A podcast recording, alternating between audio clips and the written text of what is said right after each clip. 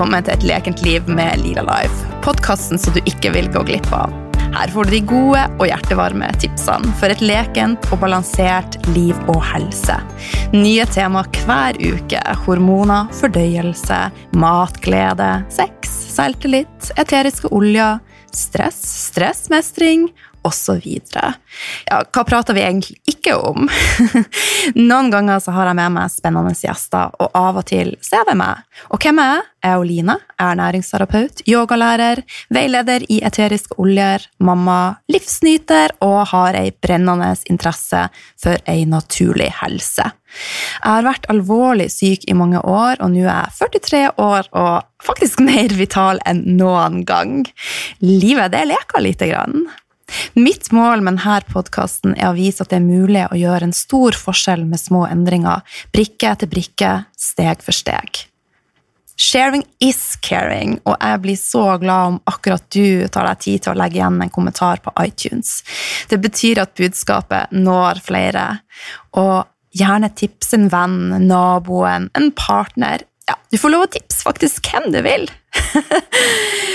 Et stort smil og en smask ifra Line Lila Life. Hjertelig velkommen til en ny episode av Et lekent liv med Lila Life. I dagens episode skal jeg ta opp søvn. Eh, er du en av de som sliter med å sove? Jeg har sjøl vært der, og jeg vet hvor utrolig kjipt det er når man ikke får nattesøvn. Det kan virkelig være med å påvirke både den fysiske og psykiske delen av oss. Og nå så er vi inne i veldig tøff og spesiell tid, og det alene kan være nok til å påvirke søvnen din. Så jeg tenkte at det var på tide nå at jeg kom med en episode der jeg snakka om søvn, for det har jeg sagt eh, at jeg skulle gjøre. Eh, i dag så deler jeg mine beste tips. Jeg deler også litt bakgrunnsinformasjon om eh, søvn. I tillegg så har jeg med meg ernæringsterapeut Celine Heldrup og mentaltrener coach Anniken Binds, som deler sine beste tips for ei god natts søvn.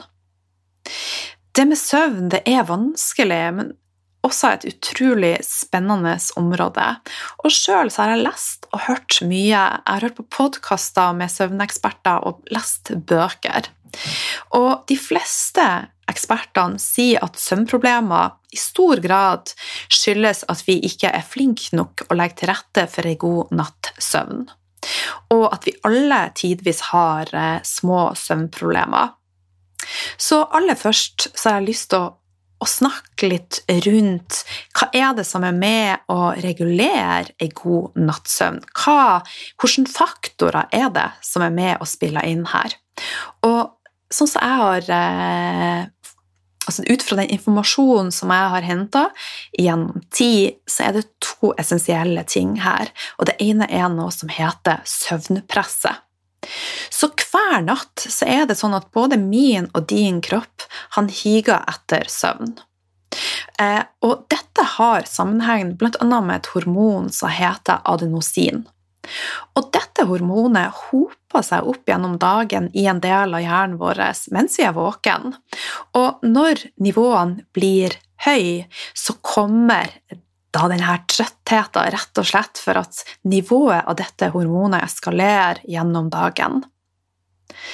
Og når vi da sover, så reduseres mengden av adenosin igjen, og kurven går ned mot null. Men får man ikke ei natt med god nok søvn, så vil du fremdeles kunne ha rester av dette hormonet i hjernen. Så når du da våkner om morgenen, så har du en viss mengde adenosin i hjernen, og du vil da kunne føle deg uopplagt, groggy og trøtt. Så jeg vet ikke om det er noen av dere som kjenner dere igjen i det. Jeg kan i hvert fall det i perioder. Eh, men de tipsene som jeg deler i denne episoden her, har vært med og hjulpet meg i stor, stor grad, som gjør at jeg nå sover bedre enn jeg noen gang har gjort. Men det krever en innsats av meg, og den innsatsen ser jeg gir uttelling. Men hvis du har da en viss mengde av dette hormonet igjen gjør når du våkner om eh, morgenen, så vil jo det kunne føre til at du gjennom dagen er litt trøttere enn om du hadde fått søvd ordentlig, ordentlig dypt og fått kvitta deg med denne mengden av adenosin. Men den gode nyheten er at selv om du har ei eller to netter uten optimal søvn, så har faktisk kroppen en mulighet til å nullstille nivåene av adenosin hvis du da får ei skikkelig god natts søvn på da f.eks. natt tre. Så det tenker jeg er veldig, veldig positivt, og vi må ta med oss alt som er positivt.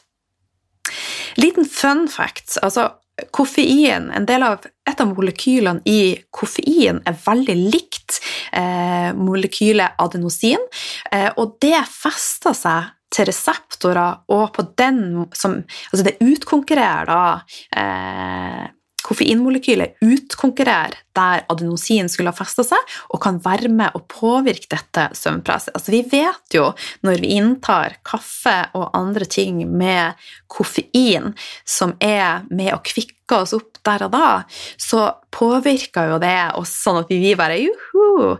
Og det er nødvendigvis ikke så gunstig, og i hvert fall ikke på kvelden. da. Så det skal jeg komme tilbake til senere i denne episoden. Så, så, har vi jo de da som sier at jeg kan drikke kaffe helt til jeg bare detter i senga. Kaffe påvirker meg ikke. Og der vil jeg si det påvirker. Kanskje du får sove, men det vil påvirke hvordan søvnkvaliteten din blir. For den er også kjempe, kjempeviktig. Og så har vi en annen faktor som er med å regulere søvnen vår, og det er vår egen biologiske døgnrytme. Og døgnrytmen vår styres av eh, kroppen sin melatoninproduksjon, blant annet, og den økes når det blir Altså det begynner å skimre, og det blir mørkere. Men allerede fra jeg står opp, så tenker jeg hva kan jeg gjøre nå for å legge til rette for en best mulig produksjon av melatonin?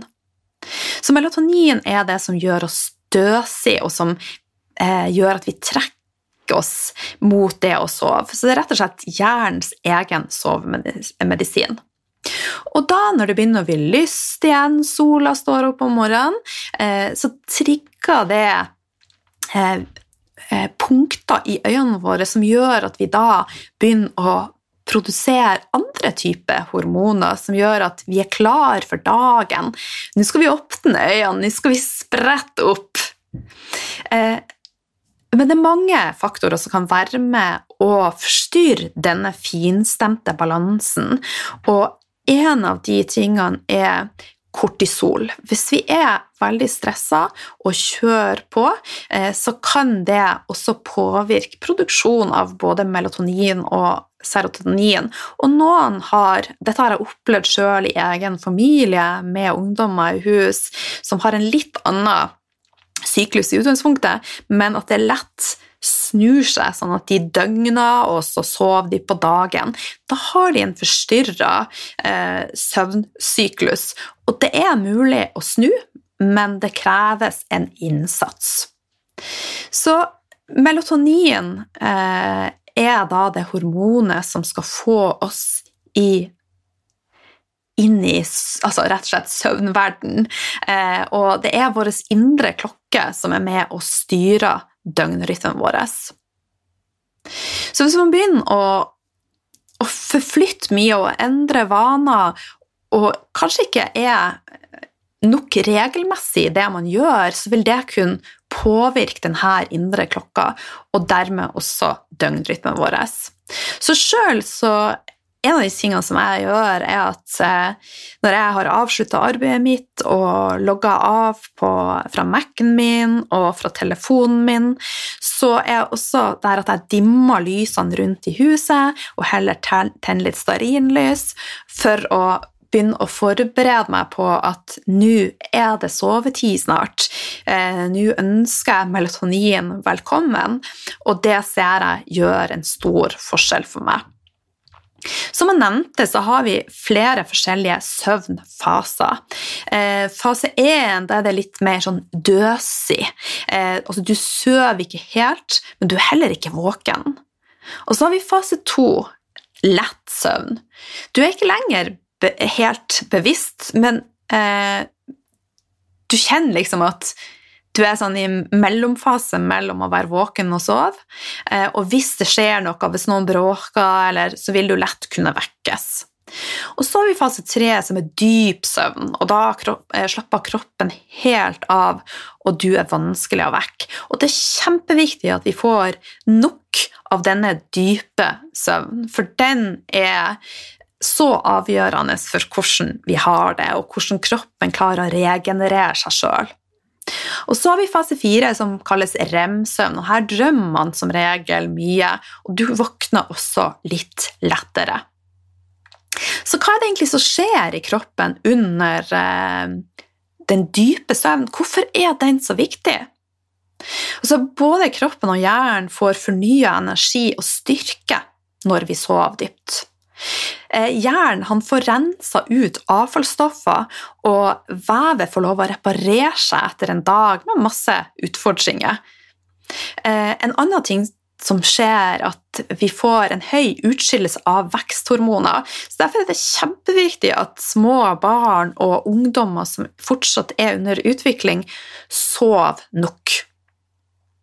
Eh, denne prosessen eh, er i det siste på det podkastet som jeg har hørt om, eller hørt på, blitt omtalt som det glymfatiske systemet. Og hjernen han krymper faktisk mye. Eh, jeg lurer på om det var snakk om ikke ta dette for god fisk, men jeg lurer på om det var rundt 20% Jeg husker ikke tallene helt. Eh, og han får rensa seg, og det er så viktig for at vi skal kunne eh, få gjennomført disse prosessene. Så en dyp søvn, som jeg skal komme med mange gode tips til i dag, er det vi jobber mot. Og sånn I snitt så bruker vi man å si at eh, ca. 10-25 av søvnen vår bør være i den dype delen. Så i, natt, hvis man da sov eh, i snitt åtte timer, så vil det utgjøre én til to timer i løpet av en natt. Så det avhenger jo litt av hvor lenge du sover. Dette endrer seg med alderen. Ehm, det ser ut som at når man eh, kommer rundt 65 år, så trenger man mindre av denne dype søvnen. Og det er det nok flere faktorer til, bl.a. at man ikke lenger er under utvikling og vekst. Sånn at kroppen endrer seg gjennom hele livet. Og Sjøl så syns jeg at det har vært litt vanskelig å klare å få til dette, men jeg har klart det. Jeg gikk fra rett og slett insomnia. Jeg hadde et halvt år der jeg knapt sov, og da vil man i hvert fall være litt sånn paranoid til slutt. Da tenkte at jeg får faken meg ikke til å sove. Og det tror jeg kanskje er en av de største fellene man kan gå inn i, er at vi begynner å fòre denne indre ulven, for vi har jo en indre dialog, og fora da den negative eh, dialogen på at 'jeg har søvnproblemer, jeg får ikke dette til'. Så det er også kjempeviktig at vi har mindsettet med oss, at vi tar kontroll, at vi bestemmer oss for 'dette skal jeg klare'. Dette skal jeg klare. Så hvordan vet du om du får nok dyp søvn? Så den beste indikatoren er at du føler deg uthvilt når du våkner om morgenen.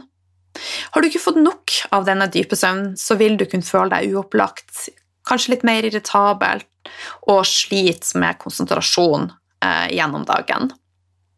Og så er det mange som henter seg inn med en powernap, eh, og gjerne da etter middag. Er det lurt?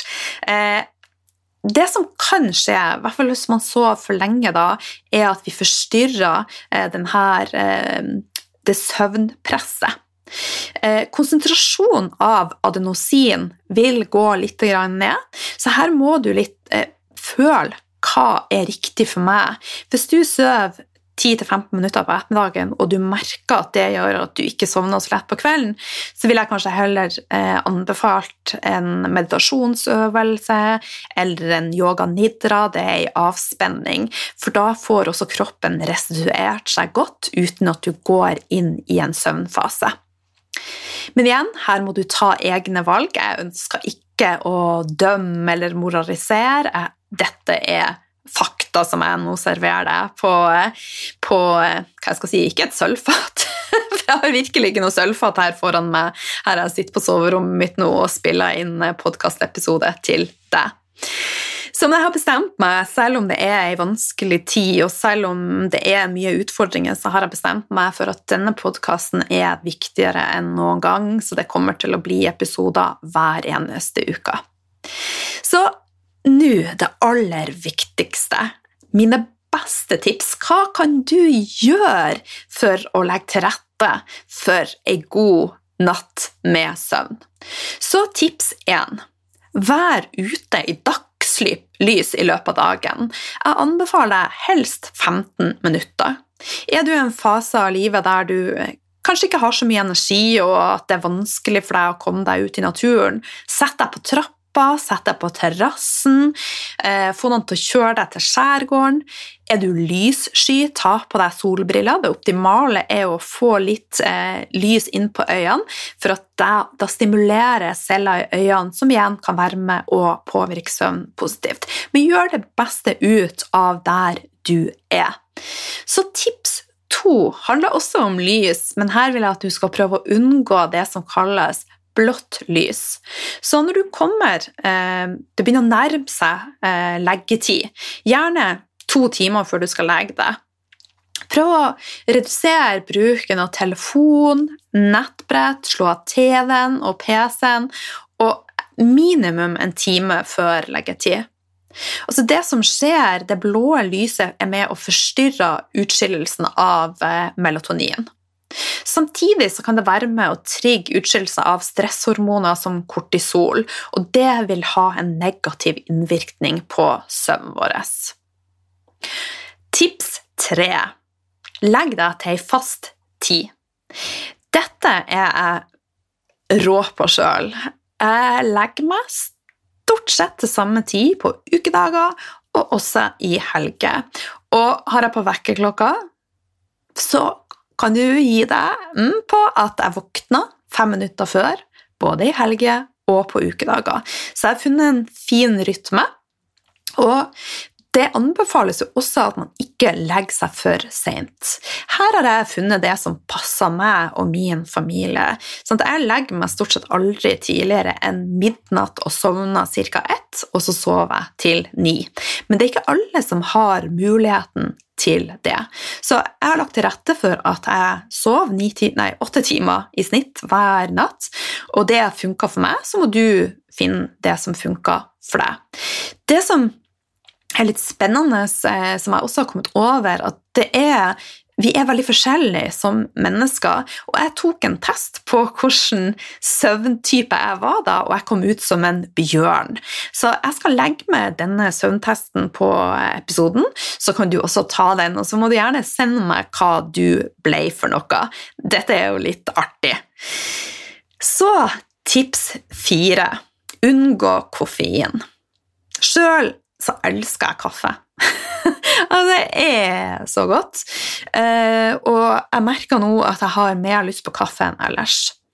Eh, jeg tror at det er, ikke er unaturlig når ting er så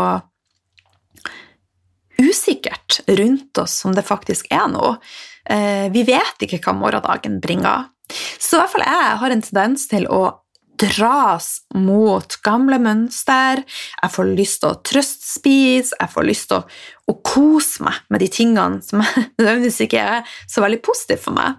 Så jeg må jobbe veldig hardt mentalt for å ikke drikke for mye kaffe, og heller ikke havne tilbake i et mønster der jeg bruker mat for å døyve følelser. Når det gjelder kaffe, så er det sånn at det trigger en del stresshormoner i kroppen vår. Og det kan ta opptil seks timer før mengden av koffein er halvert. Så hvis det er sånn at du ikke klarer å holde deg unna kaffe, så vil jeg bytte den ut til en koffein, koffeinfri variant eller tatt te. Det finnes jo veldig mye gode teer der ute. Sjøl er jeg også sensitiv på mørk sjokolade og må være forsiktig det, med det på kveldene. Så der må du finne din toleranse. Men husk uansett om du får sove, så påvirker det mest sannsynlig livskvaliteten og forhindrer at du kommer i den dype kvalitetssøvn. Så bytt gjerne ut koffein, den koffeinholdige kaffen med koffeinfri. Tips fem. Dropp mat sent på kvelden. Jeg skulle ikke si 'dropp mat' i det. Sånn, jeg bare hørte frykten til noen. 'Nå ber hun oss ikke spise i det hele tatt'. Nei, dropp mat like før leggetid. For det å fordøye mat er en jobb for kroppen. Så vi ønsker mest mulig ro. Vi ønsker at kroppen skal få lov å fokusere på å produsere de tingene vi trenger for å sove, og vi ønsker ikke at den skal være i et modus der den må jobbe med å fordøye og spalte mat, for så å sende det ut til cellene og inn på cellenivå. Så Sjøl prøver jeg å spise middag senest klokka seks. Og så tar jeg meg gjerne litt snacks eh, to-tre timer før jeg legger meg. Og eh, da kan det være lurt å innta det som jeg kaller glade karbohydrater. Glade karbohydrater det er langsomme karbohydrater. De er med å legge til rette for melatoninproduksjon. Det samme er tryptofan, og tryptofan er ei essensiell aminosyre. Dvs. Si at vi ikke produserer den sjøl, så vi må tilføre det enten via maten eller ta et tilskudd. Så hvis du da tar noe mat med proteiner eller tryptofan, så kan det være lurt med noen glade karbohydrater for å få tatt opp dette tryptofanet bedre, som gjør da at konverteringa til melatonin går enklere. Så alt i kroppen henger sammen, og det er et finstemt eh, system som er utrolig, utrolig fascinerende. I tillegg så må jeg nevne at alkohol forstyrrer søvnen vår, og den blir mer urolig. Så hvis du er der at du vil ha deg et glass eller to, så vil jeg anbefale deg å ta det til middagen da i fem-seks-tida, sånn at kroppen rekker å forbrenne deg og få det ut av systemet før du legger deg. Tips seks tenk på hvordan du har det på soverommet ditt. En ting som er viktig for optimal søvn, er at det er kaldt på rommet. Det optimale er at det er mellom 16 til 20 grader, som ikke er for kaldt heller. Og hvis det er for varmt i rommet, så må kroppen jobbe for å bli kvitt overskuddsvarmen, og det blir vanskeligere å få en optimal søvn. Så det er kjempeviktig. I tillegg så er det jo ok at du ligger på en god madrass, at du har en god pute, at du føler deg trygg i det rommet du ligger, at det ikke er for mye distraksjoner, at du ikke har kontoret ditt på soverommet, at du ikke bruker det til en spiseplass, men at det er en plass der du sover, der du kan være intim med den du er glad i, eh, og rett og slett bare legge til rette for et godt eh, eller en god natts søvn. Tips sju er å stresse ned. Stress og søvn er generelt en veldig, veldig dårlig kombinasjon. Så prøv å få rydda opp i hodet ditt før du legger deg på puta. Eh, jeg liker å ha en notatbok tilgjengelig, så hvis jeg da kommer eh, på når jeg har lagt meg 'Å nei, jeg må ta ut søpla i morgen', så har jeg også ei penn der, så skriver jeg det i notatboka mi, sånn at jeg vet at når jeg står opp, så husker jeg det. Så Hvis ikke så er det jo lett at man blir liggende og kverne på disse tingene. I tillegg, hvis det er ting gjennom dagen som du syns har vært vanskelig, eksempelvis hvis en av ungene har vært frekk med deg, eller noen andre har vært frekk med deg, noter altså, Få det ned på papir og skriv hva det er som trigger deg. Få det ut av systemet ditt, sånn at du kan få mest mulig ro i hodet ditt. Ting som hjelper meg, er å meditere, lese ei bok eller gå en rolig tur rett før jeg legger meg. Og å meditere det er ikke noe man trenger å gjøre i en evighet. Sjøl har jeg god nytte av fem minutter på kveldene. Eh, det gjør faktisk en veldig stor eh, forskjell. Så jeg har laga meg en sånn liten, et lite space på soverommet mitt der jeg har et eh, lammeskinn på gulvet, og bruker da å sette på en guidet meditasjon, smøre litt eterisk olje under fotsålene, sette på diffuseren og puste. Og det er veldig deilig. Utrolig, utrolig deilig. I tillegg så kan det være fint å drikke en beroligende te som kamomille. Jeg har lest at dette har ikke jeg prøvd sjøl, men å lage te av bananskaller, da vil jeg anbefale økologiske bananskall, og faktisk koke det ned til en te.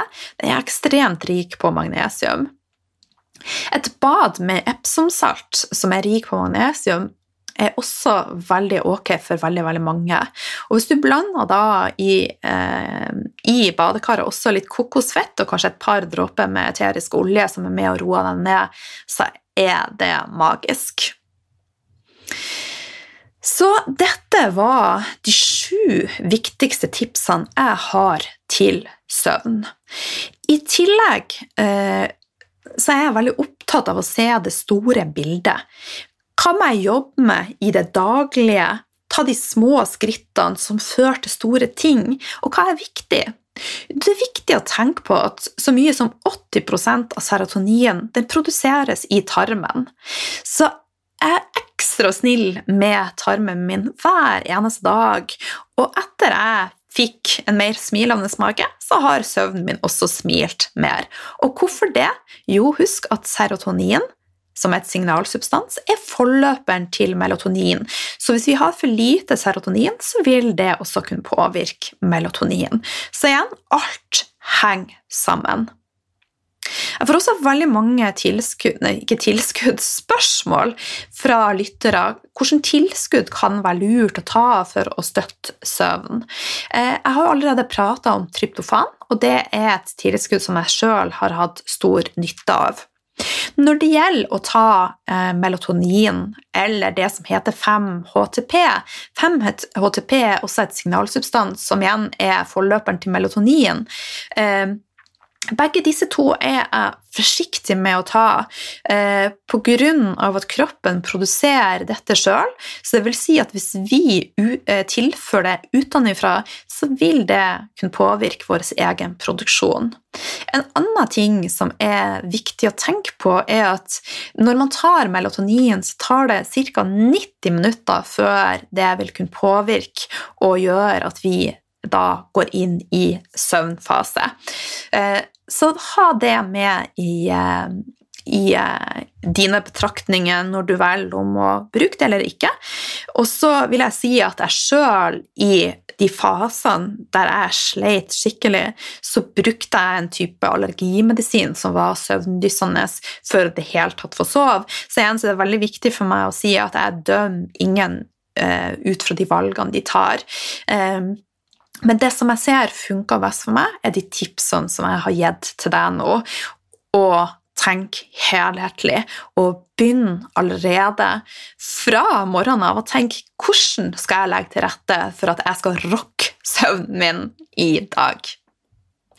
Nå kan du bare glede deg til Anniken og Celine sine tips. De er noen råtasser av noen damer som har veldig mye bra å komme med. Vi håper at du likte denne episoden. Hvis du gjorde det, så er vi kjempeglade om du vil dele den videre med kjente og kjære, naboen. Du får lov å dele den med hvem som helst.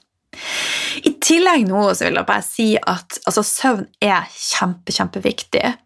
Og jeg jobber nå med å lage ei uke der vi skal ta ekstra vare på oss sjøl, og også søvn. Så følg med meg på bloggen, på Instagram. Jeg kommer til å dele mer om dette, og jeg gleder meg. Ta vare på deg sjøl, ta vare på de rundt deg. Det er vanskelige tider, men vi skal klare dette. Så hjertelig velkommen, Celine. Tusen takk. Du, hva er dine beste tips til søvn? Du, det aller første som jeg har lyst til å nevne, er jo dette her med at vi har en biorytme. Så vi har jo en, rett og slett en døgnrytme.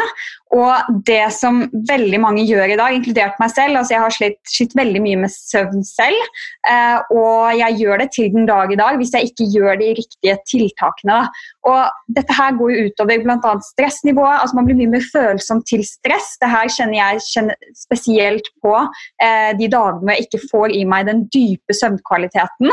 Eh, og så går det utover hjernehelse, fokus, konsentrasjon, minnet vårt.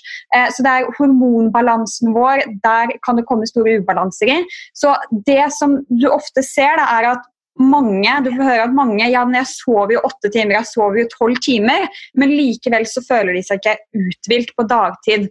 Og Det kan komme av den grunnen at de ikke har hatt den dype søvnkvaliteten. Så selv om du da har sovet i åtte timer eller tolv timer, da, som er mange timer, så har du kanskje ikke oppnådd den dype søvnkvaliteten fordi at um, biorytmen din er forskjøvet. da.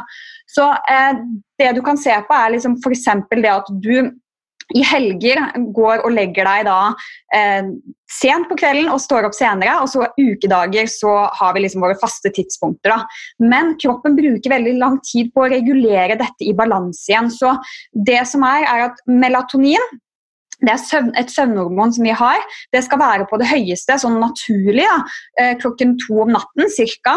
Da har vi den dypeste søvnkvaliteten. Da.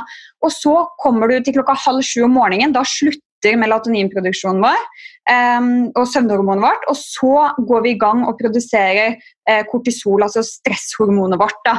Og det skal vi ha naturlig, uh, men i dag så forskyver vi den f.eks. ved at vi legger oss klokken tolv eller vi legger oss klokken tre om natten og så står vi opp senere. Og da forskyver vi den døgnrytmen, pluss at vi har forskjellige sånn um, ting i hverdagen som forstyrrer melatoninproduksjonen. F.eks. falskt lys um, hjemme. Vi har blått lys, vi har um, lys fra TV, mobil, PC. Og disse tingene kan hemme produksjonen. Det er faktisk gjort en studie hvor de har tatt uh, en iPad, og der ser de at uh, hvis du bruker iPaden klokka ett om natten, så tok det ned uh, melatoninproduksjonen med 23% Så Det er ganske sånn, altså det har veldig mye å si. da, altså Jeg kaller det da et søvnforspill. Eh, det har jeg liksom bare lagt opp til fordi at jeg har forstått hvor viktig det er for meg selv å få den dype søvnkvaliteten med å gjøre et søvnforspill. Fordi, la oss si du da legger deg og skal ha de åtte timene søvn. Så går du i senga før du har klart å roe deg ned og klart å roe ned nervesystemet og unngått disse her Eh, det lyset vi utsetter oss for, bl.a. som gjør at melatoninproduksjonen går ned. Så det som skjer er at Du går og legger deg i senga, eh, og så er du allerede på toppen. og da eh, altså Kroppen bruker lang tid på å komme i balansen igjen og få i gang melatoninproduksjonen. Jeg tror at den vanligvis går i gang eh, klokken ni om kvelden, men så er det jo i det moderne mennesket vi lever i dag, så forstyrrer vi jo den balansen. da. Så søvnforspill, mm, eh, søvnforspillet mitt går ut på rett og slett at eh, jeg starter da ca. klokken syv om kvelden. Eh, så er det, Da må du begynne å se på hva er det jeg gjør fra klokken syv og utover som kan være en type stressrespons for meg som kan da hemme søvnproduksjonen min. Så Det kan f.eks. da være eh, at du trener høytrening, høyintensiv trening på kveldstid. da. Eh, eller du sitter eh, med PC og mobil. og Disse tingene kan du se på da. Er det noe her jeg kan ta bort? og så kan jeg legge inn heller andre ting som er litt mer roende. da. Så um, F.eks. stimulanter er jo én ting, sånn som eh, mørk sjokolade, vanlig sjokolade selvfølgelig også, kaffe, eh, te, grønn te, svart te. Disse tingene her kan være stimulanter eh, som vi helst vil ikke ha eh, etter klokken fem om dagen eller ettermiddagen. Da. Så Noen klarer det klokka seks om kvelden, men de fleste må liksom avslutte eh, kaffe og sånne ting til senest klokken fem. Hvis ikke så sliter de med en dyp søvnkvalitet. Uh, og så er det da uh, neste, og det er eksempel eteriske oljer. Du kan bruke da diffuser. Så det her er noe jeg starter med sånn ca. klokken syv om kvelden. Uh, hvor jeg da begynner å sette i diffuser med frankincense, lavendel, kanskje to dråper av hver. og den sprer jo virkestoffene ut i rommet, som fanges av bl.a. celler i nesehulen vår. Den er med på da roende nervesystemet, roende kroppen vår. Så det er bare én av flere tiltak man kan gjøre for å ha et sånn søvnforspill som gjør at man man allerede er klare for å gå inn i den dype søvnen når man går til senga. da. Um, og så er det noe med det å faktisk eh, begynne å eh, se på hva du gjør på kveldstid. Så fra klokken åtte og utover, eh, da ville jeg kanskje tenkt om du klarer å spise ditt siste måltid før klokken åtte på kvelden. Så der er vi inne på kosthold, og det du kan se, er at fordøyelsen din kan faktisk også holde deg våken om natten. Så for det første så har du jo eh, ting som er vanskelig for deg å fordøye, vil du i hvert fall unngå eh, på kveldstid. Så f.eks. Eh, gluten, eh, melk Dette er liksom eh, proteiner som er, kan være vanskelig å fordøye for kroppen din, som gjør at du, det holder deg våken om natten, rett og slett. Så fordøyelsen får ikke den hvilen. da. Eh, så det ville jeg gjort. Og hvis du skal spise etter klokken åtte om kvelden, så kan det være lurt med noe som er superenkelt.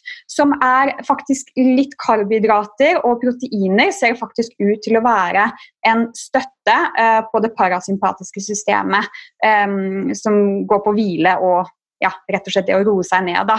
Så det f.eks. jeg gjør da, er å ha kokosyoghurt med eh, mandelsmør og kanskje litt bær. Da har du liksom en veldig sånn fin, enkel blanding. Eller banan, det er jo en støtte på tryptofan, som igjen eh, ja, kan omdannes til serotonin, og så til melatonin, da, som er søvnhormonet vårt. Så bare litt sånn veldig veldig enkel mat som er lett for deg å fordøye hvis du skal spise mat etter klokken åtte. Og så er det andre ting du kan gjøre, og det her handler jo da om eh, som sagt, det her med PC-TV som vi har i dag. Så du har noe som heter blue blocking. Dette her er briller. Du kan bare google det, så finner du jeg tror de selger det mange steder. Og Det handler rett og slett om å ha på seg solbriller på en måte som gjør at du ikke får det der blå lyset fra TV, mobil, PC, lyset vi har i huset. Sånn at fra klokken åtte om kvelden til hvert fall klokken halv åtte om morgenen så ville jeg brukt blue blocking. Eh, I tillegg til å ha da night shift på telefonen din og på PC-en din. og det her kan du stille inn på PC og mobil, sånn at det klokkeslettet er fra klokken åtte om kvelden til klokken halv syv eh, halv åtte om morgenen, hvor da den automatisk kommer på, den der nattskiftmoduset. Og det er rett og slett at du får gult lys istedenfor det blålyset som um, som da kan hemme denne her søvnhormonproduksjonen din. Da. Så um, ta på deg blueblocking, så bruk nattskiftmodus. Og så er det jo da klokken åtte om kvelden sånn cirka, da ville jeg også gjort tiltak som å skru ned lysene hjemme, og helst ikke ha lys i det hele tatt. Gjerne. Og bruk levende lys, som telys. Du kan bruke peisen din. Um, og så har du andre ting du kan gjøre, som å lage kamomille-te eller en annen søvnte som du finner for på helsekosten. Uh, du har også uh, fotbad som du kan ta, eller da uh, bruke badekar hvor du tar opp i Epsom-salt. Så Det er bl.a. magnesium i Epsom-salt. Det er jo en veldig fin støtte for å roe ned kroppen og nervesystemet vårt, og er med i så mange prosesser i kroppen vår. Så Epsom-salt, veldig fint da. Da kan du ta en halv eller en hel kopp med Epsom-salt i fotbadet eller badekaret. Og så tar du en spiseskje med kokosolje. Og i den spiseskjeen så tar du også oppi da eh, f.eks. to dråper med lavendel og to dråper med frankincense. Eller ja, Serenity-olje, en annen søvnolje. da. Og så tar du det oppi fotbadet og badekaret sammen med Epsom-saltet. Og da har du en veldig sånn eh, søvnstimulerende blanding. da. Eh, og bare det i seg selv, å få varme i seg og dusje en varm dusj eller ha det badekaret, det er i seg selv stimulerende for en dyp søvnkvalitet. da. Eh, og så har du jo andre ting. Det er jo f.eks. hvis du skulle velge å se på TV-en. Igjen, det her er jo noe som på en måte er en det har blitt en rutine for oss, og det er, det er avhengighetsskapende. Eh, altså TV og mobil og PC. sånn at det her er bare snakk om rutiner du gjør i hverdagen som du kan eh, legge inn andre ting med istedenfor, og det tar tid å ja, endre den prosessen. Da. Så bare det å i seg selv velge liksom bøker eller rolig musikk eller kortspill, ting som vi kanskje ikke er så vant til i dag, men som uh, før var helt naturlig, fremfor da sosiale medier og lys. da. Men hvis du skal velge noe eh, på TV-en, så ville jeg absolutt ikke valgt en skrekkfilm eller noe som er skummelt eller dramatisk. Velg noe som er veldig lett. Eh, ja, romantisk drama. Bare noe som du slipper å tenke med. fordi at vi skal ikke bruke hjernen vår, den skal få roe seg ned. Og da er det veldig viktig at ikke du sitter der med høy puls mens du ser på nyhetene, f.eks. Så den biten eh, tenker jeg kan være superviktig. Og så er det det her å bare bruke um, Ja, det å bruke jording, dette kan være veldig fint. Uh, det du kan gjøre da, er rett og slett dette her med meditasjon, yoga. Det handler egentlig, Jording handler jo om å komme i deg selv. Det handler om at du skal være varm i hele kroppen. Du skal ikke være kald på føttene når du er jordet. Eh, og da skal du heller ikke ha en høy energi. Eh, så når vi er veldig høyt oppe, når vi er rundt masse venner f.eks., så er vi veldig sånn high on energy. Men vi skal være jordet, da. Og så er det mange måter du kan, eh, du kan støtte jording på for å bli rolig inni kroppen din. Så én ting er jo, altså Fotbad i seg selv er jo superfint. Eh, du kan bruke balance-oljen eller anchor-oljen. Det er to eteriske oljer som er veldig fine, som du kan smøre under føttene. Du har jordingsmatte. Det kan du bare google, så finner du det. og Det handler rett og slett om at du skal bare ta barbente føtter på en jordingsmatte. Eh, det er litt det samme som å gå barbent i naturen, da, som er bare superfint for oss. Så det er mange ting du kan gjøre. En annen ting er jo også det å få av wifi, internettet. Eh, det her går jo på stråling. Dette her, altså, det handler om å beskytte hjernen din og også la den få hvile eh, på natten. Så jeg skrur alltid av internettet før jeg går og legger meg. Og eh, det er så enkelt som å bare ta ut kontakten eller skru av den her, så sparer du deg for så mye stråling som kan eh, ja, skape så mye ubalanser i kroppen vår. Da. Så Ta av internettet hvis du har muligheten til det. Og så er det faktisk utrolig viktig det å være inne på soverommet ditt også. At dette ikke er et sted du bruker til å spise mat eller til å jobbe, men at du bruker soverommet til bare søvn og elske, f.eks. Men ikke noe annet enn det. Fordi at eh, hjernen vår, altså Du lærer hjernen din til å tro at inne på soverommet så er det aktivitet. Da er det, da er det ikke søvn vi skal gjøre. da. Så det her er bare en, jeg vet ikke, en type manifestering vi gjør som, som, som lurer hjernen da, til å tro at det, dette er ikke sted du skal sove. da. Og hvis du sitter og spiser mat i sengen og du kanskje jobber litt der innimellom, det her vil skape assosiasjoner med det. da.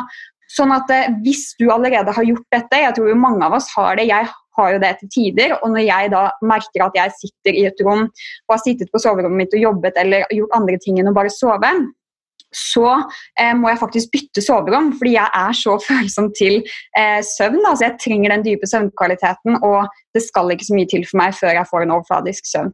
Så jeg gjør da, er at jeg bytter soverom. Og så sover jeg der, og da sover jeg supergodt. Og mens jeg, så bruker jeg kanskje da noen dager eller en uke før jeg går tilbake til det vanlige soverommet mitt. Og det jeg gjør i mellomtiden, er at jeg lufter. Altså jeg bruker vinduet, jeg lufter så det kommer frisk luft inn. For det her også, det kan skape tett luft. Det her er jo energier. Vi har jo energi i alt det vi bruker og har og gjør i dag, eh, som blir liggende på soverommet. Da. Og Så tar jeg da eteriske oljer med f.eks. fire dråper ongardolje og fire dråper peppermynteolje. Det er ganske kraftfull blanding, men den tar jeg da på dagtid. Og så tar jeg den i diffuseren, som sprer virkestoffene ut i rommet, og renser luften. Og det gjør jeg da mens jeg eh, ikke er i rommet. Så bruker jeg den bare en halvtime eller time før jeg slutter den diffuseren. og Da eh, er det med på å rense luften, og så åpner jeg vinduet etterpå. Så det er bare sånn superenkel måte som kan gjøre en så stor forskjell, og det gjør det alltid med meg. Eh, så når jeg kommer tilbake på soverommet, så sover jeg da endelig godt igjen. da. Yes, Så det er i hvert fall noen. wow, det var mange gode tips, Line. Men eh, et siste spørsmål. Er dette noe du praktiserer sjøl hver eneste dag? Mm. Ja. Det gjør jeg, og det er ikke meningen at du skal gjøre liksom alt på en gang. Men altså, det gjør en utrolig stor forskjell bare det å være konsekvent på at liksom, ok, nå er klokken åtte, nå skal jeg begynne å roe meg ned, nå skal jeg gjøre ordentlige tiltak, nå skal jeg ta på nattmålen, så skal jeg skru av eh, lysene hjemme. Bare de tingene her kan gjøre en så stor forskjell fordi du slipper å stresse eh, å skape ubalanse i søvnhormonet ditt da, Og dette igjen skaper ubalanser i østrogen og testosteron, og ja, det er mange andre hormoner som henger med her også. da. Alt henger sammen. ja. Men ett tips jeg har lyst til å dele bare helt på slutten. Bare gi det her tålmodighet, fordi når du velger å sette faste tidspunkter du skal sove eh, på morgenen og på kvelden Det tar tid for kroppen å komme i balanse igjen når du har variert din, eller forstyrret din døgnrytme før. Da. Så når du velger å liksom, ok, nå skal jeg ha fast tidspunkt hvor jeg legger meg sånn ca. klokken ti hver dag og står opp ca. klokken eh, syv hver morgen eller seks hver morgen, da eh, er det veldig viktig at du gir deg den tålmodigheten i hvert fall en uke eller en og en halv uke. Og så eh, kan du se at ting begynner å forandre seg. For I den perioden så kan du ha liksom hormonubalanser, og du kjenner på humøret, du får kanskje blå ringer under øynene, eh, du sover ikke så godt fordi at det, eh, kroppen bruker så lang tid på å komme inn i balanse igjen og den naturlige biorytmen vår. Da. Yes. Tusen takk, Celine. Det har satt jeg stor pris på, og det vet jeg også lytterne kommer til å gjøre. Så bra. Bare koselig. nå. og, ja, og konger og dronninger. Takk, Celine. Nå er jeg så heldig å ha med meg hun Anniken Binds. Hun er mentaltrener og coach. Og eh, Anniken, hva er dine beste tips for en god natt søvn? Ja, du, vet du hva? Jeg er jo utrolig engasjert i søvn, for det er så viktig for oss på alle områder. Uh, og dette kunne jeg snakket om i timevis, men nå har jeg bare valgt å plukke ut noen av de tingene som henger sammen med mental trening. Og noe av det jeg jobber mest med, som er det å redusere stress og mestre stress. Fordi ofte når vi ikke får sove, så er det fordi vi har for høyt spenningsnivå i kroppen. Og det handler om at vi er ganske høyt oppe og sliter med å egentlig finne roen, og vi sliter med å aktivisere det parasympatiske nervesystemet, som er det ro- og hvilesystemet. ikke sant? Så vi er oppe i sympaticus, vi har høy spenning, og ofte så skyldes det at vi har veldig høy tankevirksomhet i hodet. Og stress det kan skyldes forskjellige ting. Um, det, jo, altså det, er veldig enkelt for oss å forstå at vi har mye stress når vi har mye å gjøre, når vi løper fra det ene til det andre og vi har masse vi skal huske. Det er én form for stress. Og den andre formen for stress er det jeg kaller skjult stress, som er det som skyldes tankekjør. Så masse tanker i hodet som du kan ha gjennom hele dagen, og spesielt når vi skal sove, som gjør at du ikke får ro, rett og slett. Mm. Så når det gjelder den første type stress, det at man har for mye å gjøre Det hender jo at man har stappet dagen full med gjøremål, og så kommer kvelden, og det er kanskje det første tidspunktet du har til å møte tankene dine. Eh, og da begynner alle tingene å dukke opp. Alt du må huske på å gjøre og sånt noe. Eh, så eh, her har du masse man kan gjøre. En, altså er du i den situasjonen, så anbefaler jeg alltid å ha en lapp på skrivebordet bare for å få ting ut av hodet. Det er liksom bare sånn en enkel ting å gjøre. Men dette med at du har eh, altfor mye i livet ditt, det er ikke noe positivt i lengden. For det forbinder vi gjerne med langtidsstress. Så det mm. som er viktig her, altså for å rydde opp og gjøre livet ditt bedre, sånn at du får mer ro, er rett og slett å begynne å fjerne de tingene som ikke bidrar i livet ditt. Altså bare redusere antall ting du har på to do-listen din. For Mest sannsynlig så er det veldig mye du har på den listen som du ikke trenger. Og Det er jo en litt lang prosess, og det kan være vanskelig, men det gjelder å finne ut hva er viktig i livet mitt, hva er det jeg vil, hva er målet mitt, og alt du har i livet, kan du vurdere opp mot den skalaen. Bidrar det mot målet mitt eller ikke? Og målet ditt kan jo bare være det å ha det bra, f.eks. Det trenger ikke være noe mer avansert enn det. Det kan være at du har Innenfor eh, jobb så har du kanskje du, et mål, eller innenfor livet ditt generelt. Men i hvert fall begynne å rydde opp og prioritere. Eller kanskje hovedmålet faktisk bare er å sove? Ja, ikke sant? Å, det var et godt mål. Ja, ikke sant? Ja, for jeg har gått et halvt år faktisk uten å sove, nesten, og det er, man blir gal av det. Ja, så ja, det kan være et hovedmål i seg sjøl. Ja, det, og det vil jo hjelpe til å liksom, redusere stress i livet ditt. Eh, og så er det dette med at eh, jeg sier at vi trenger rom for refleksjon i løpet av dagen. Du trenger tid for å være med tankene dine. Hvis den eneste tiden på døgnet du har med tankene dine, er når de skal legge deg. Hva skjer da? Det er en kvern som går rundt i hodet. Og da får vi ikke sove. Eller det blir i hvert fall veldig vanskelig å sove når det driver og løper rundt i hodet vårt med alle tingene vi skal huske på, og alt sånne ting som dukker opp fra dagen. Det handler om å redusere antall ting å gjøre, og det handler om rom for refleksjon.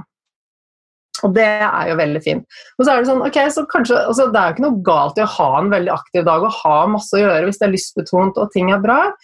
Men når vi har høy spenning, altså vi går inn i stress, så trenger vi ofte å avreagere før vi kan komme inn i ro. Og du kan jo tenke deg at Vi er jo ofte stresset gjennom dagen uten at vi merker det. Og dette handler om at kroppen er eh, full av stresshormoner. Den er satt i stand til å kjempe eller flykte. ikke sant? Og Hvis du ser for deg en sebra på savannen som eh, oppdager en løve eh, og tenker at wow, ok, her er det fare på ferde og full fight, flight og stresshormoner, og sebraen den løper og løper og løper, og løper, og løper, og løper, og den løper ganske lenge og ganske langt. Helt til den kommer i trygghet, ser ingen løv lenger, og så kan den gå inn i ro og slappe av. ikke sant? Så det veldig mange tenker, er at jeg kan være på maks fight flight hele dagen, og så skal jeg finne ro. Så glemmer vi den fasen imellom hvor vi trenger å få ut den overskuddsenergien. Vi, vi trenger rett og slett å avreagere og bevege oss. Mm. Jeg anbefaler veldig å få beveget deg. Det trenger jo ikke være hard trening, det kan være å gå en tur og få dagslys. Det er også veldig viktig for eh, regulering av søvnhormoner. Eh, men det at vi kan ikke sitte på rumpa hele dagen med høyt stress og forvente at vi faller til ro på kvelden. Nei. Det blir veldig vanskelig. Det er så mange som tenker at ja, nå må jeg begynne å meditere og med mindfulness og alle de tingene. Men å gå fra å være helt oppe i taket til å være på gulvet, det er ganske vanskelig. step by step. Ja, ikke sant? Så vi trenger den mellomfasen. Avreagere, få ut energien, bruke kroppen. Kroppen vår er laget for å være bevegelse, rett og mm. Så, mm, så, når du har begynt å jobbe med de tingene, så vil jo ting falle mye mer på plass. Og så er det ofte ikke sant, På kvelden ja, vi har mer tid til å tenke, da, for det er ikke like mye stimuli. Og ofte så er jo tankene i form av bekymringer, kanskje det er ting som plager deg, og vi har en tendens til å kverne og kverne på de tankene. Og mange har en tendens til å gå gjennom hele dagen med masse tanker som bekymrer oss. Og spesielt altså, i disse dager da, med koronaviruset som sprer seg dag for dag, kan jeg tenke på at det er veldig mange som går eh, rundt med ganske høyt nivå av stress, fordi det er så mye sånn hva hvis-spørsmål. Hva skjer hvis? Så går man og problematiserer, man går og tenker hva kommer til å skje? Grubler uten at man egentlig får løst noen problemer. Man får ikke svar på noe. Når vi går og har masse tanker i hodet, så blir hjernen overveldet. Den oppfatter dette som en trussel. Det er tanker som ikke er sånn veldig positivt eh, rettet. De, de, bringer ikke noe godt med seg. De setter oss i en tilstand hvor vi kanskje føler oss redde eller lei oss, eller får kanskje litt knyt seg litt i magen når vi kjenner litt på de tingene. Så disse tankene som vi har i hodet, de aktiverer stress i kroppen. Og det kan vi gå med hele dagen uten at vi egentlig merker at vi er stresset. Og langtidsstress, altså effekten av langtidsstress er jo en, altså en av bivirkningene er jo søvnmangel, og det henger sammen med flere ting. Men eh, for å sove godt og med god kvalitet, så trenger kroppen å gå inn i ro og hvile. Det parasympatiske. Det trenger ro. Vi må komme oss ned fra stress. Så jeg tror veldig mange tenker at ja, jeg må få ut stress av livet mitt, for da må jeg bare liksom, ha litt færre ting å gjøre, og så må jeg meditere litt, og så er det greit. Men, uh, men, det handler veldig mye om alle de tankene som spinner rundt i hodet hele dagen, og dette er noe som vi kan jobbe med i den mentale treningen. Første handler om å bli bevisst på at det faktisk er masse som skjer oppi hodet. Altså, vi snakker til oss selv, vi har en indre dialog. Og så begynne å legge merke til ok, hvordan påvirker disse tankene meg? Mm. Og så handler det i stor grad om å akseptere de tankene. Fordi når vi prøver å skyve de bort, så vokser de. Og det skaper også stress. Så det første det handler om å bare, tenke, å bare bli bevisst på at ja, vi har tanker der. som vi kanskje ikke trives med, som, som skaper stress i kroppen, som er ubehagelige. Så steg én er å, um, å bare akseptere at de er der.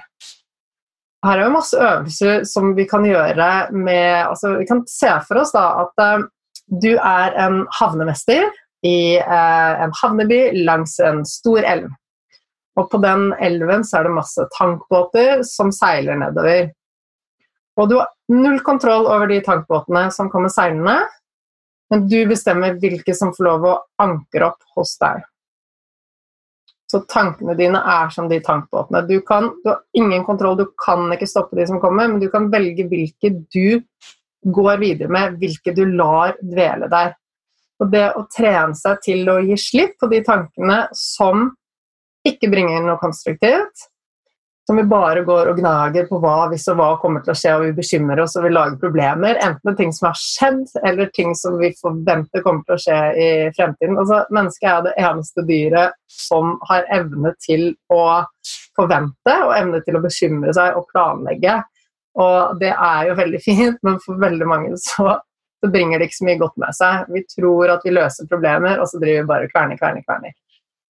Så det å jobbe med å bli venn med tankene og gi slipp på det, det er et veldig viktig steg til god søvn. Fordi du får stresset ut av kroppen, og du får da mye lettere aktivert det parasympatiske systemet som har ro og hvile. Og der er vi når vi sover, med mindre vi har masse tankekjør. Altså vi kan sove og våkne opp og fortsatt være utslitt. Kanskje liksom ligget og bitt kjeven hele natten og føle at vi liksom har ligget litt sånn spent, for da har vi kanskje gått og kvernet, altså ligget og kvernet hele natten og egentlig ikke kommet inn i den dype søvnen. Så, så, dette med å jobbe med tankene her fins det masse masse teknikker man kan gjøre, men, men steg én handler bare om å bli venn med dem og tenke at det er greit, og bare bli bevisst på at de er der. Og så kan man da etter hvert uh, møte tankene, så vet man kanskje det er gjengangere. Ofte er det de samme tankene som kommer igjen og igjen. Uh, og da kan du sette et navn på de tankene. altså Det er en sånn kategori av tanker. Og når de dukker opp, så kan du bare si ok, hei, der er den uh, 'jeg er stygg'-tanken. Ok, der er den. Eller der er den uh, 'jeg min er tom'-tanken. Hva kommer til å skje nå-tanken? ikke sant? Ja. Og, og det, effekten av det, det vi ønsker å gjøre, er å skape en avstand mellom oss og tanken. Vi er ikke tanken, tanken er ikke oss tanken er bare noen ord som jeg har puttet inn i hodet vårt. Og når vi begynner å ta litt avstand til den, så har den ikke den effekten på oss lenger. Den påvirker oss ikke på samme måte. Og så kan vi gjøre masse morsomme ting, som å legge på litt sånn morsom musikk i bakgrunnen.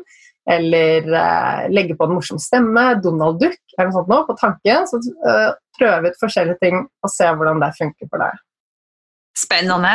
Ja, og, og det er liksom sånn det er så enkelt, eh, men likevel så har veldig få den informasjonen. Og når du da begynner å få roet dette kjøret, bekymringen i hodet ditt, ja, da kan du gå inn i ro. Da kan du begynne med disse søvnrutinene. Du kan begynne å høre på noe sånn rolig musikk eller meditasjonsgreier. Det er masse ting du kan gjøre da, for da funker det.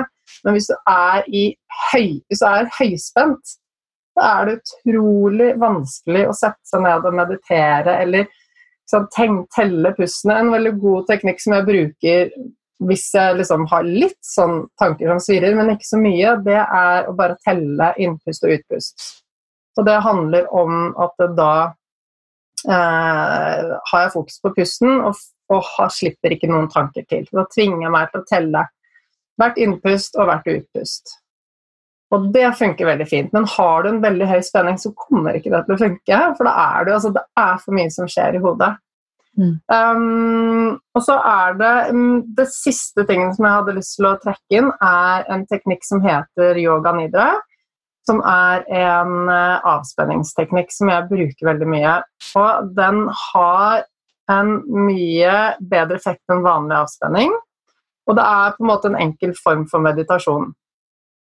Og man ser at det, det å drive med yoga nidra har en positiv effekt på søvnen.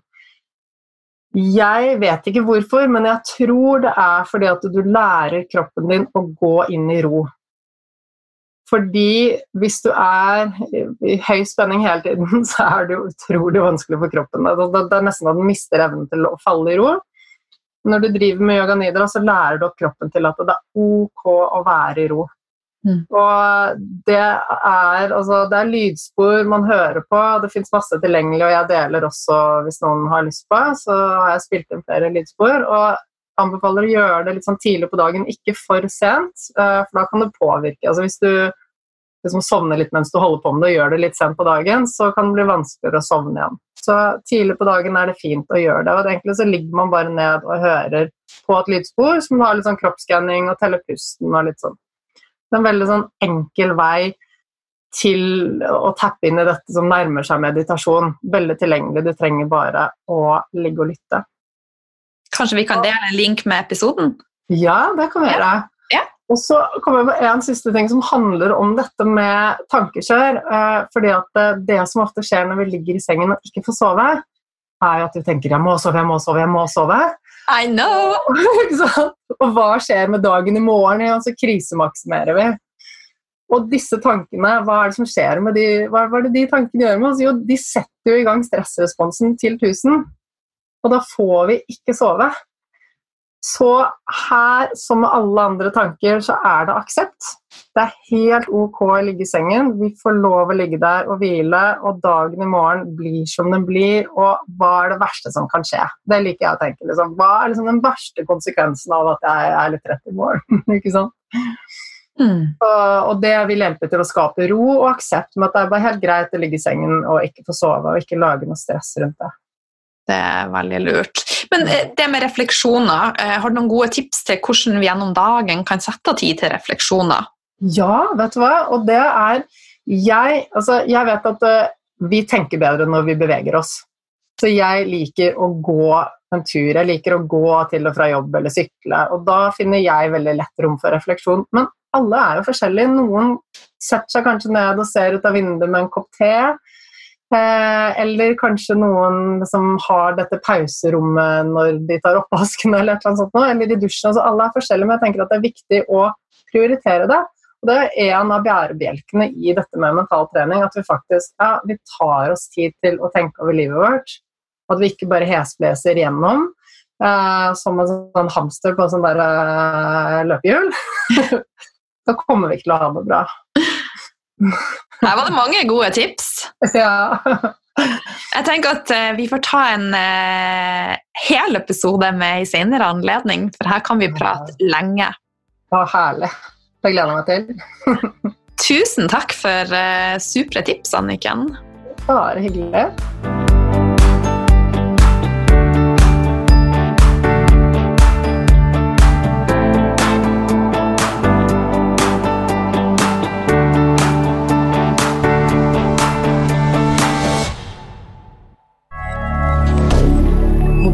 milliardaire